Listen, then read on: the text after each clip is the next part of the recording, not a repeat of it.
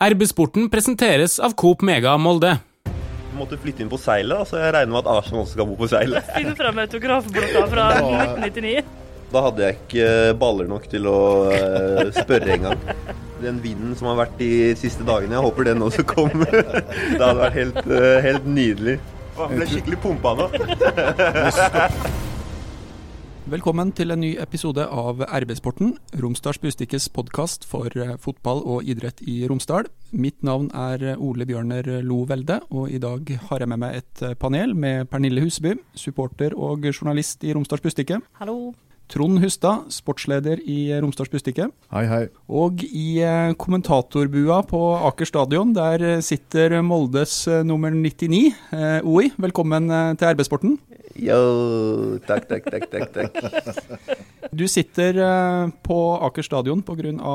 koronatiltak, har ikke lov å være i samme rom med oss i RB-sporten. Kan du si litt om hvordan uka di har vært? Nei, uka har vært uh, grei, den. Jeg måtte uh, flytte inn på hotell, da. Det var ikke fruen så fornøyd med. Vi har lite barn i tillegg, så nå må hun gjøre alt. Alt alene uten å få noe hjelp, ettersom at jeg jeg måtte ta inn på hotell, ja. Så det har vært en litt uh, annerledes uke, men, uh, men, det har vært OK. Det var et sånt spesielt uh, koronasikkerhetstiltak? Riktig. Egentlig fra Molde selv. Jeg var egentlig ikke ut ifra reglene, så er jeg egentlig ikke i karantene. Fordi det er hun som har vært i en avdeling hvor det har vært smitte. Så det er jo sånn via via. Så egentlig hadde ikke jeg trengt å bli satt i karantene. Men Molde tok egne forhåndsregler, noe som selvfølgelig er bra. Da ligger jeg på hotell. Og Hva er det som er status nå? Er du klar til å kunne møte Arsenal på torsdag? Det er jeg, vet du. Med mindre jeg plutselig tester positiv på testen vi tok i dag. Noe som er selvfølgelig lite sannsynlig. Så jeg er klar, ja. Du har trent alene, har jeg, har jeg lest. Hvordan var det å ha mer eller mindre egentrening på, på Aker stadion i påvente av at dette skulle bli, falle på plass? Nei, kjedelig. Selvfølgelig. Kjedelig. Jeg vil jo helst trene med, med laget. Det er jo mye gøyere å trene felles i lag med, med, gutta. Men nå var situasjonen sånn den var, og da, da, måtte jeg bare gjøre det som krevdes for å holde den fysiske formen intakt. Var du en sånn uh, type fotballspiller som sto mye på Løkka alene når du var yngre? Ja, faktisk. Lærte da brutter'n. Han påpekte hvor viktig det var å trene for seg selv eh, etter treningene, så det, det, er jeg egentlig godt vant med. Selv om det ikke er det gøyeste å gjøre, så, eh, så må det gjøres. Høres bra ut. Satte du noe skudd eller frispark i krysset når du holdt på der alene? Ja, det, det, satt litt. Det smalt bak Randmark Ranmark og Kranix der, så det var, det var deilig. Høres veldig, veldig bra ut. Hvordan er stemninga i Molde-laget foran eh, møtet mot eh, Arsenal på Aker stadion? Det er jo litt vilt å bare å si det. Ja, det, er, det, blir helt vilt. Stemninga er på topp. Gutta gleder seg utrolig mye. Vi, vi, hadde en kamp på Emirates der hvor, hvor vi hadde en omgang hvor vi, hvor vi fullt var på høyde med, med Arsenal, noe som er litt vilt. Så, så, skal vi gjøre noen uh, omjusteringer nå som gjør at uh, vi skal klare å holde ut uh, lenger enn vi gjorde. og så kanskje til og med få med oss noe. Det er det vi går for. Vi skal snakke mer om ditt forhold til Arsenal, men tenkte jeg skulle høre litt med panelet her. Jeg tror det er flere som gleder seg til, til kampen på torsdag. Pernille, du har fått billett? Ja, det har jeg. Åh, da ble jeg så glad at jeg, jeg faktisk ikke visste hva jeg skulle si, og det er ikke så ofte. Så jeg har jo en, eh, en drøm, da, Oi, og det er at du skal score på torsdag. Det har jeg, jeg driver og later som jeg er synsk skjønner du, foran hver kamp. Så det har jeg nå spådd, at du kommer til å score på torsdag. Deilig. Og da skal jeg rope så høyt jeg kan bak munnbindet. Nei, det er, det er, helt fantastisk. Helt surrealistisk at vi skal spille mot Arsenal på Aker stadion. Forhåpentligvis er skikkelig dritvær, sånn at de kommer hit og bare mm. føler det skikkelig på kroppen, mens dere bare rir stormen av. Det er jo betryggende å ha med en som har lang uh, ansiennitet når det gjelder å følge MFK. og Trond Hustad, kan du sette her, denne begivenheten litt inn i, inn i, perspektiv for oss? Ja, MFK har jo uh, en lang merittliste i uh, Europa og har spilt en masse store oppgjør de siste 20 åra mot gode internasjonale motstandere. og klart seg godt også, mot de aller, aller fleste. Men det er klart at dette her er helt der oppe. Uh, altså Arsenal er Arsenal, og, er, og, engelsk fotball er engelsk fotball. Og Hvis du ser på de spillerne som uh, faktisk var på banen eller på uh, benk mot Molde sist, så er dette her et høydepunkt i historien, absolutt. For deg, OI, fins det noen større motstander enn Arsenal Football Club? Ikke for meg, det gjør det ikke. Sikkert for mange andre, men Jeg som har vært fan siden jeg var elleve år etter den uh, unbeatable uh, sesongen Arsenal hadde, uh, hvor de gikk hele sesongen uten et, et tap. Og Thierry Henry tok på seg kapteinsbindet. Har vært fan siden da. Tror jeg var elleve år igjen. Så for meg personlig så er dette Ja, de kunne ikke møtt noen andre lag enn det. Altså. Det er helt surrealistisk. Så jeg, jeg gleder meg skikkelig. Så har du jo møtt en del av disse her stjernene en gang før allerede. Da fikk du oppleve, som du er inne på, at dere faktisk kunne være på høyde med dem. Og så fikk du samtidig litt juling med David Louis osv. Mm. Hva kan dere gjøre annerledes når du snakker om omjusteringer for at det skal bli to omganger den kampen her, ikke bare én? Nei, først og fremst, eh, vi har snakka om at vi ble kanskje litt for lave. Vi fikk, eh, det var litt for store avstander når vi først skulle presse. Og de, de klarte å spille oss ganske lave, som gjorde at det ble egentlig ganske lang vei til mål. Så vi har snakka om å tørre å stå litt høyere med fireren vår og med midtbanen vår, og så oftere tørre å presse dem litt høyere. Eh, det målet vårt mot Arsenal kom jo av at vi tør å stå høyere og presse. Keeperen dem slår en lang ball, så vinner eh, vi duellen. eiker Eikrem på ett touch til Ellingsen, og så dunker han inn i mål. Så det viser at man må, selv om det er såpass store og gode lag som Arsenal, så må man noen gang tørre å stå litt oppå dem. Det, det, kan sjokke dem litt. da. Og Nå er vi på hjemmebane i tillegg, og vi veit hvor gode Molde kan være på hjemmebane. Eh, det har vi vist eh, gang på gang. Så eh, vi skal tørre å være litt breiale og, og, og gå litt høyere på dem nå enn det vi, enn det vi gjorde borte der. Jeg skal innrømme jeg får frysninger ja, når du tar det. Og det var akkurat sånn det opplevdes også. For det var liksom ikke bare ett heldig spark på ballen, det var mønsterangrep eh, mm. fra Molde fotballklubb på Emirates. Jeg grein, altså. Det er helt oppriktig. Altså, det, av og til så kan Da jeg var på den første kampen i år, det var Bodø-Glimt-kampen hjemme, da felte jeg en tåre, men her, her grein jeg, altså. Det var sånn stortuting. Sånn som når jeg så Titanic for første gang, liksom. Det var sånn. Men Oi, hvor Arsenal-supporter er du? Altså, er, det sånn, er du like Arsenal-supporter som vi er Molde-supporter? på en måte? Altså, er det, Hvis Arsenal taper, blir du, påvirker det humøret ditt? Er du sint i flere dager, liksom? Mer før enn det, gjorde, enn det gjør nå. Altså, det har jo vært uh, utrolig lenge siden uh, no, altså Arsenal har jo vunnet noe, de har jo vunnet FA-cupen, men altså sånn av verdi da, vunnet Premier League, vunnet Champions League, sånne ting. Er, de siste årene har ikke Arsenal engang vært i Champions League. Så nå har det blitt mer sånn der at uh, jeg blir liksom frustrert, men også er det bare Jeg vet ikke, det har blitt en sånn vane. da. Arsenal har på en måte blitt et uh, lag, sånn nesten-lag, da. Nesten ja. i Champions League. Ja. Vet Nesten. du hvordan det er å være Molde-supporter i mange år? ikke sant. ikke sant? Så, så, jeg blir ikke like sur. Før så var det sånn jeg ikke ville gå på skolen og sånn hvis Arsenal uh, Jeg husker jo det når de tapte Champions League-finalen mot uh, Basha, så dro jeg ikke på skolen neste dag. Da, var jeg så, da lå jeg i senga hele, hele dagen. Ja, det gjorde jeg jo. Da Molde tapte cupfinalen mot Ålesund.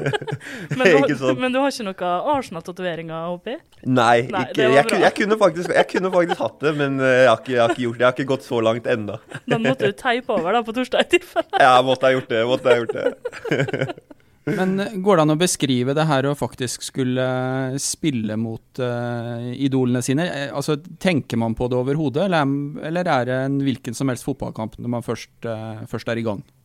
Jeg tror I forkant, sånn som nå, så tenker jeg jo at det er liksom Det er sykt. Arsenal kommer nå på Aker stadion. Liksom. Vi skal spille mot dem for, den, for andre gang nå, liksom. Uh, men nok, når, når, vi først går ut på banen og kamp, uh, dommeren blåser i fløyta, så er det en helt vanlig kamp. Da tenker man ikke uh, så mye mer over det. Da bare tenker man at den personen skal ikke dominere deg, du skal dominere, og du skal vinne den og den 50-50-duellen. Da er det en helt vanlig fotballkamp. Da er de bare motstanderne våre. Så man tenker jo, tenker jo sånn. Så er det jo perfekt da, at jeg eh, måtte flytte inn på seilet, så jeg regner med at Arsenal også skal bo på seilet. Finn fram autografblokka fra 1999. da, uh, Ohi, altså, jeg husker jeg snakka med deg etter kampen på Emirates, uh, for da var jo du på jakt etter drakta til en viss Arsenal-spiss. Uh, og hvis Aubameyang bor på seilet, så har du kanskje virkelig muligheten til å få tak i den trøya. Ja, det er ikke noe, det er ikke noe tometers avstand da, altså. Men, eh, kan du si litt om eh, hvorfor akkurat den drakta henger så høyt? Nei, det er jo fordi eh, første eh, Altså spilleren som på en måte fikk meg litt sånn eh, forelska i Arsenal, da, det var jo Thierry Henry. En, eh, en, spiller som jeg har sett opp til uh, siden jeg ble Arsenal-fan, egentlig. Og så har jeg egentlig bare sett mye av det samme i Aubameyang, da.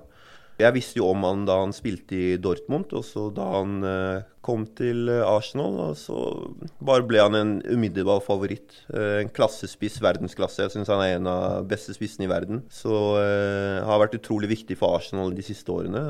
Utrolig deilig. Det var nesten så jeg gråt når han signerte en ny kontrakt, for jeg trodde ikke det skulle skje. Jeg var sikker på at han skulle dra, som de fleste andre store spillere de gjør når de, når de, spiller i Arsenal. Spiller i Arsenal en periode, og så drar du. Du ser på Nasri og på van Persie og Fabregas og litt forskjellig. De alle, de alle, dro etter en periode, så jeg var sikker på at nå, nå skjer det igjen. Nå er det enda en klassespiller som går ut dørene på Emirates, men uh, det skjedde ikke. Han, uh, han, ble, og da ble jeg en enda, enda større fan, selvfølgelig, når han, når han valgte å signere. Det nummeret som du sjøl har på ryggen, kan du dra historien bak 99? Eh, Nei, det er egentlig ikke så ja, alle, alle, jeg vet, alle håper på at det er en sånn god historie. Det er egentlig ikke det, altså, dessverre. Det er egentlig bare at uh, da jeg kom til Jerv, så var nieren uh, tatt. Uh, det var akkurat det jeg skulle tippe. Ja.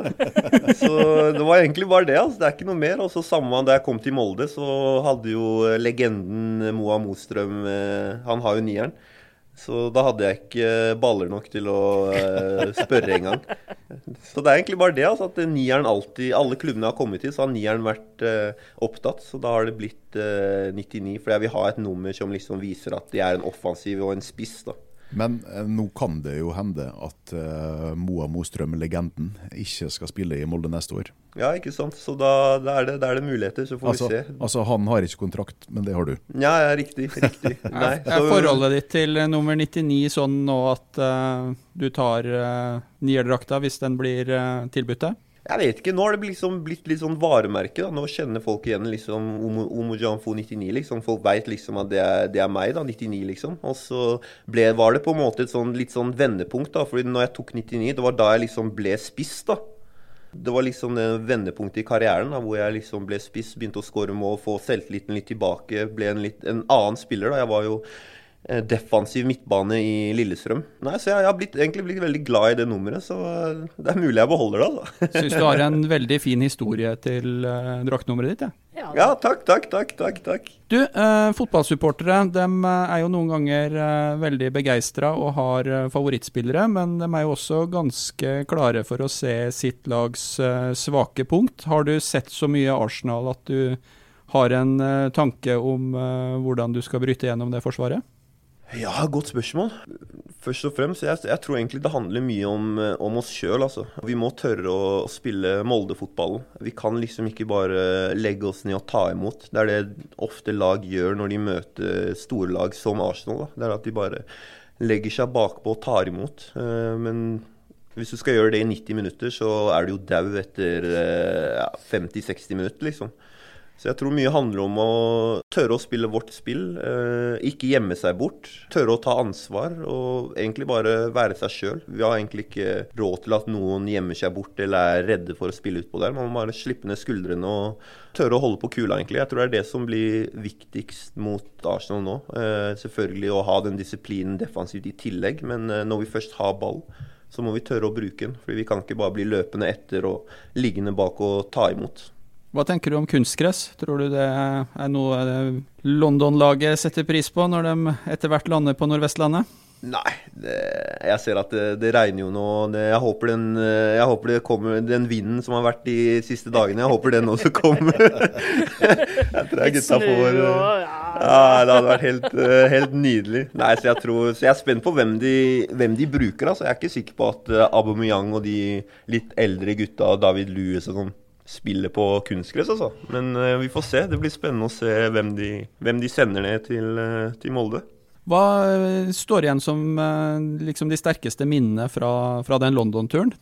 Nei, Det var helt vilt, bare fra vi egentlig gikk inn på stadion. Det er jo en, det er en så mektig stadion. Du går ut på der og du på en måte bare kjenner atmosfæren, liksom. Så er det selvfølgelig synd at det ikke fikk være noen fans. Det ødelegger jo selvfølgelig litt, men uh, hele opplevelsen det var helt, helt vanvittig. Det, du merka at det er liksom Det er et annet nivå, det her, da.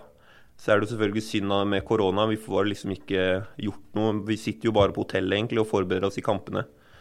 Eh, men eh, det var surrealistisk når vi skulle ut på der og trene dagen før. Og du så gutta hadde et smil om munnen og, og var i kjempehumør. Så det, det, viser at det betyr mye for, eh, for, alle, egentlig. At det er en fin opplevelse. Hei sann! Det er jo Hilde på Coop Mega Molde, Molde Storsenter. I år håper vi at du kommer ekstra tidlig og handler til jul. Vi har pinnkjøtt, ribbe og alt av julevarer på plass, så det er bare å komme og gjøre seg ferdig i god tid. Unngå de største køene, og bruk hele åpningstida vår. Vi er veldig nøye med å følge alle smittevernrutiner, sånn at du kan gjøre en trygg handel. God førjulstid og velkommen til en hyggelig handel hos oss på Coop Mega Molde, Molde Storsenter tenkte vi skulle snakke litt om uh, sesongen 2020, og um, da syns jeg at vi må innlede med å gratulere Bodø-Glimt med seriegullet. Selv om det ikke smaker sånn kjempegodt for en MFK-supporter, så, så, ble det avgjort i helga, og det er nå sagt. Gratulerer med gullet, Bodø-Glimt. Så lurer jeg på med deg, OI, hvordan ser du på, på 2020-sesongen for, uh, for, MFKs del? Det har vært en utrolig spesiell sesong, egentlig. Med, korona og alt egentlig som har vært. Med karantener og litt av hvert. Uh, har vi jo hatt uh, litt skader i tillegg. Uh, Bodø-Glimt, som du sier, de har vunnet nå. Gratulerer til dem. Det har vært fullt fortjent. Tapt én kamp i år. Det er helt vilt. For vår egen del så har vi rett og slett ikke vært gode nok. Det som hjalp oss i fjor da vi vant gullet, var at vi var egentlig stabile gjennom hele sesongen. Dårlige kamper så var vi fortsatt bunnsolide og klarte å ta med oss en 1-0-seier eller en 2-1-seier. Eh, Ofte. Eh, og vi på en måte fløt på det gjennom hele sesongen. I år så har det ikke vært helt det samme. Og det har gjort at vi ligger der vi ligger nå, ikke oppe der med Bodø-Glimt og kjemper til siste slutt. Men vi snakker litt i fortid nå. Det har eh, bedra seg ganske betraktelig den siste tida, er i hvert fall mitt inntrykk. Helt klart. Etter Sandefjord hjemme da vi gikk på det pinlige tapet eh, der, så har det egentlig gått veldig oppover. Da har vi virkelig, virkelig tatt tak. Da har det jo gått oppover siden da. Vi har prestert uh, veldig godt, og vi har sett ut som oss sjøl. Eneste tapet har jo kommet mot Arsenal, noe som uh, ikke er så ille. Ja, Det ser greit ut, det. det må være ja. lov. I, I, hvert fall hvis man tar i betraktning hvordan det skjedde òg, da. Det jeg liker der, er at dere skremmer dem. Og sjøl om det er Arsenal og de sikkert har sjøltillit på at de har eh, minutter å, å rette det opp på, så, så, skremmer man eh, litt motstanderen når man, eh, når man, angriper en match sånn som dere gjorde der. Helt klart. helt klart. For egen del, hvor, hvor godt fornøyd er, er du med, med 2020-sesongen? Nei, ikke kjempefornøyd. Eller jeg er fornøyd med at jeg Altså Hvis jeg skal ta noe godt ut, da, det er jo at liksom det året her starta med, med skadene jeg hadde og, og, alt jeg gikk gjennom da, egentlig. Ble egentlig litt sånn kasta i det ettersom at Leke ble skada og fikk rødt kort mot Ålesund. Eh, så ble jeg egentlig bare hivd uti det ganske tidlig mot Rosenborg hjemme. Følte meg selvfølgelig bra, men var jo ikke i min beste form. Og så har det jo gått som det har gått, da. Syv mål for meg, nei, det er ikke bra nok i det hele tatt. Så har jeg jo fem kamper igjen på å komme meg i hvert fall opp på tosifra. Utrolig glad for at Leke i hvert fall kom på tosifra det letter litt press fra begge to, egentlig. At uh, en av spissene i hvert fall er på tosifra. Uh, men det har vært en tøff sesong, helt klart, med mange opp- og, opp og nedturer. Har ikke vært like vass uh, som jeg vanligvis er. Uh, ikke like klinisk som jeg vanligvis har pleid å være. Så har sett bedre ut nå i det siste og føler meg bedre og kommet i mye bedre form ut jo ettersom hvor mye jeg har spilt, da. 2020 har jo vært en uh, annerledes uh, sesong, og nå i høst så har vi også hatt et par episoder som jeg virkelig trodde var uh, tilbakelagt stadier. det har vært en rasismedebatt, dessverre. Du har jo markert deg med veldig tydelige standpunkt, spesielt i rasismesaken tidligere, OI. Hvordan har du opplevd at dette her faktisk skjer i 2020?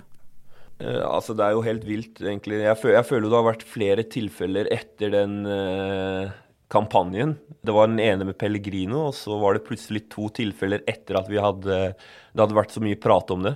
Uh, noe som er helt vilt. jeg har vært så heldig at jeg i hvert fall i Norge ikke har opplevd eh, noe rasisme på fotballbanen. Eh, men det betyr jo ikke at det ikke skjer. Jeg vet ikke om det kanskje bare blir plukka opp mye lettere nå, ettersom at det er så få folk på tribunene, og at det er ikke like mye lyd. At det er derfor det blir plukka opp. At det her egentlig er noe som kanskje skjer en gang iblant. da.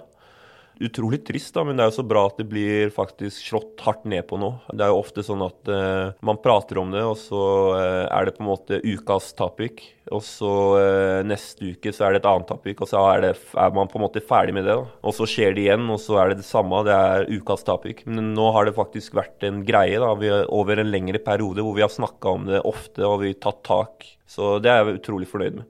Hvordan kan man angripe det her for å unngå at det skjer igjen? Det som er vanskelig, er jo at uh, rasisme er jo på en måte ikke et fotballproblem, det er et samfunnsproblem så, som blir tatt med inn i, uh, i, fotballen. Så hvordan liksom skal du stoppe, stoppe det? Det er, det er, utrolig vanskelig. Det må vel starte på barneskolen hvis du skal, uh, hvis du skal stoppe det helt. Det vil, det, vil, være folk som har slike holdninger overalt, og det er utrolig vanskelig. Men at, at fotballen markerer det på den måten som de gjør, det, det, viser at vi har nulltoleranse, og det tror jeg vil bidra for å få det vekk, i hvert fall fra stadion. Du har ikke blitt hetsa i, eh, i kamp i Norge, sier du. Men uh, hva er den uh, dårligste opplevelsen du har hatt sjøl i, i, fotballen? Da, jeg, da spilte vi uh, EM-kvalik, G17 tror jeg. spilte mot Albania i Malta. Da ble jeg egentlig hetsa gjennom hele kampen med så forskjellige ord, og at var, familien min var slaver, og at jeg er neger, og ja, altså det var så mye apekatt og fra, egentlig fra både spillere og fra tribunen. Så det var mitt på en måte første virkelige møte med, med hetsing og rasisme. da. Det var ikke kjempekomfortabelt, nei. Tror du vi har kommet dit nå, OI, at um, man på en måte kollektivt uh, sier fra tydeligere, og at det er blitt lettere å, å, fortelle om uh, denne type episoder når de finner sted? Jeg forstår jo det må jo ha vært beintøft for en, en 17-åring å, å, oppleve det du akkurat nå fortalte om? Nei, jeg tror, det, jeg tror, det, er vanskelig uansett. fordi liksom, Hvis uh, Se Molde-supporterne, da, f.eks. De fleste der kjenner jo hverandre. Og hvis noen plutselig spyr ut uh, en rasistisk kommentar, da, så er det liksom sånn Så kjenner alle hverandre. Du vil liksom ikke peke på han og si hei, det var han som sa det. Hvis det er en du kjenner og egentlig, en du egentlig vet er en god person. Og jeg tror det er det som er vanskelig med på en måte supportkultur. De er jo liksom uh, gode venner, de som er i supportergruppene. Så liksom når det skjedde med Pellegrino, så er det jo på en måte folk som kjenner hverandre, da. Uh, og de vil jo liksom ikke sladre på hverandre, da. Eller si fra til den personen sånn at det får en oppmerksomhet. Eh, jeg tror det er det som er at det er en, en utfordring, da. men det virker nå som at folk er mer åpne for å si fra. Da, at, det, eh, at, de fleste har nulltoleranse. Eh, og det, det, viser egentlig med all den støtten som har blitt gitt ut nå. Da. Som sagt, det er utrolig, utrolig positivt. at Det har vært en helt massiv støtte. Jeg snakka med Pellegrino etter den episoden med han. og og han var overveldet med, med positive kommentarer. og han han har fått så mye støtte, så det, det viser at uh, det er noen idioter. Det er ikke alle. Og, men hvis vi står sammen, så, så, kan vi bli kvitt det helt. I hvert fall i fotball. Pernille, føler du at uh, det her er noe som uh, har blitt uh, prata om og, i, også i supporterkretser? Ja, ja. Det, det, har det. Og det er jo, som OI sier, så det foregår overalt, og også blant Molde-supporterne. Eh, jeg står jo på inngang 13, som er supporterinngangen, i hvert fall i, i normaltider. så jeg bruker å stå der. Eh, og da er det jo Jeg har hørt masse rasistisk har blitt sagt der. Og det er jo ofte litt sånn at når man blir veldig engasjert eller veldig forbanna, så mister man litt sånn connection mellom hjernen og munnen. Eh, men eh, det skal jo ikke unnskylde folk heller. Eh, men jeg har flere ganger sagt ifra at jeg ikke syns det er akseptabelt at folk står og roper sånne ting i nærheten av meg, og heller ikke i nærheten av mine favorittspillere. Det syns jeg det er null aksept for, skal det heller ikke være på inngang 13. Og jeg har sagt ifra til supporterledere også om den slags oppførsel, og tatt det opp direkte med vedkommende også på kamp, og sagt at dette her hører ingen plass hjemme. Det her trenger dere ikke å stå og rope, for det, det er ikke greit. Eh, og reaksjonene har nå uh, variert litt med promillen, da, men uh, folk har tatt det greit. Men når du på en måte ser at det ikke hjelper, og at det skjer igjen og igjen, så er det jo på en måte Da er det jo er det jo holdning, holdningsendring som må til, og da tror jeg ikke at det hjelper at de står og sier det, men jeg tenker uansett at folk må må slå ned på det, og må slå hardt ned på det og si ifra at dette her er ikke greit, sånn her skal vi ikke ha det på norske tribuner. Jeg tenker også, um, etter den uh, hendelsen med Kastrati,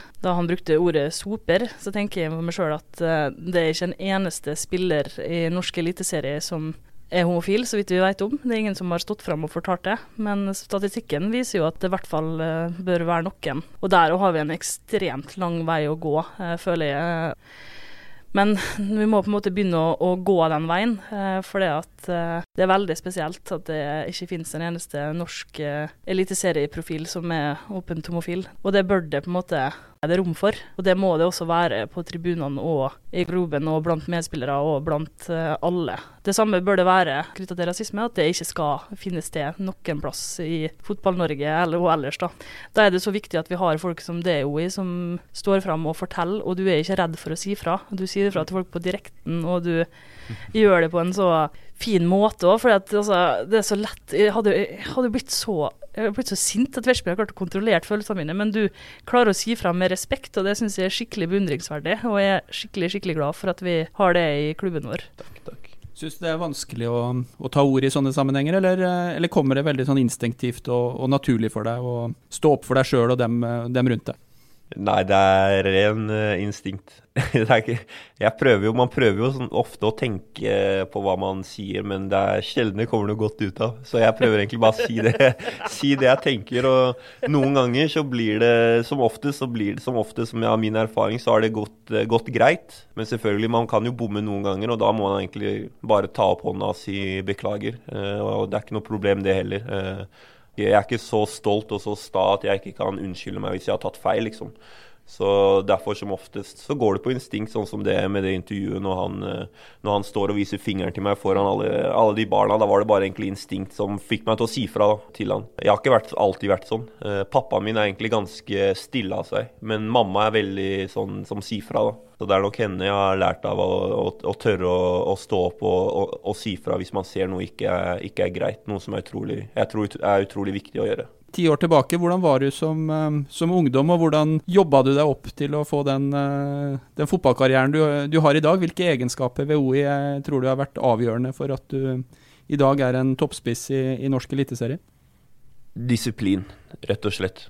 Jeg hadde, jeg hadde, mine problemer som, som ung. Eh, var i litt forskjellig Liksom fant Slet litt med å finne vennekretsen min. Eh, jeg hang med noen som eh, spilte fotball, men også noen som ikke spilte fotball og drev med, eh, med andre ting. Eh, så jeg på en måte ble litt liksom dratt eh, mellom to miljø. da. Slet litt med å finne de riktige vennene. Egentlig fant jeg det til slutt. En god vennegjeng som, som spilte fotball, eh, som var dedikerte når det kom til fotball, som hadde en drøm og et ønske om å bli noe mer, gjøre noe mer. Og det, det egentlig påvirka meg positivt. Og så eh, var det egentlig bare at jeg, jo mer jeg vokste opp, jo mer skjønte jeg at hvis jeg har lyst til å holde den drømmen her i live, så er det en ting som kreves, og det er egentlig disiplin. Og når jeg sier det, så er det egentlig med alt. Med det å legge seg tidlig, det å spise riktig. Alt som kommer med det å være, å være profesjonell. Eh, det er mange av kompisene mine som, som falt av pga. det. De hadde ikke disiplin nok til å nå, nå like langt som det jeg har gjort. De hadde lyst til å finne på andre ting. De hadde lyst til å gå ut på byen den helgen. Jeg hadde lyst til å gjøre sånne ting, mens, uh, mens jeg klarte å være disiplinert nok til å, uh, til å, skjønne at om jeg hadde et ønske om å faktisk nå eh, langt, så kan jeg ikke involvere meg i alt utenom sportslig. Det høres ut som uh, gode egenskaper å ha i en uke hvor man for sikkerhets skyld blir plassert på et uh, hotell. Ikke sant? Sant også. Men uh, Ohi, skal du være i, fortsatt i karantene på seilet og drive og luske rundt utafor rommet til Lacassette og sånn, og Aubameyang, eller får du komme hjem en tur før kampen? Uh, jeg, får komme, jeg, får dessverre ikke komme hjem før lørdag, uh, fordi da har, da har, kona mi vært uh, ti dager i, i karantene. Men... så hun testa jo negativt, men man må jo fortsatt i ti dagers karantene fordi du kan fortsatt få symptomer et par dager senere, da. Og så teste positivt. Så det er egentlig hun som har gjort at jeg må inn på hotell. for jeg må holde meg unna, unna henne. Så lørdag så kan jeg få lov til å komme hjem igjen. Jeg skjønner at det er lenge å være borte fra kona, men hvis du på lørdag kommer hjem i drakta til Aubameyang, da er det verdt det, eller? Da er det verdt det. Så jeg, jeg, håper virkelig at han eh, dukker opp. Han har jo vært eh, på landslagssamling, spilt to kamper for Gabon. Og så spilte han nå mot 90 eh, minutter, tror jeg, mot Leeds. Så vi får se om han Og så er det jo kunstgress i tillegg, så Så jeg håper selvfølgelig at han dukker opp, men det er en liten, liten mulighet for at han kanskje ikke møter opp. Så får vi se. Hvis du ser en, en mann med litt eh, lite hår sånn i 50-åra med en hund på seilet i løpet av dagen i dag, kan du ta bilde av han og sende til meg? For da er det RB-journalist og Arsenal-supporter Eirik Heen som har tatt turen for å Ah, tilfeldigvis ha møtt på en av Arsenal-spillerne. Arsenal-spillerne. Ja, ja, de kommer jo i dag, vet du. Ja, ja, jeg veit. Det veit han òg, for å si det sånn. Men, Da må du ta bilde som du sender til meg, for det skal Det jeg ha. skal jeg gjøre. Ja, Jeg skal gjøre det.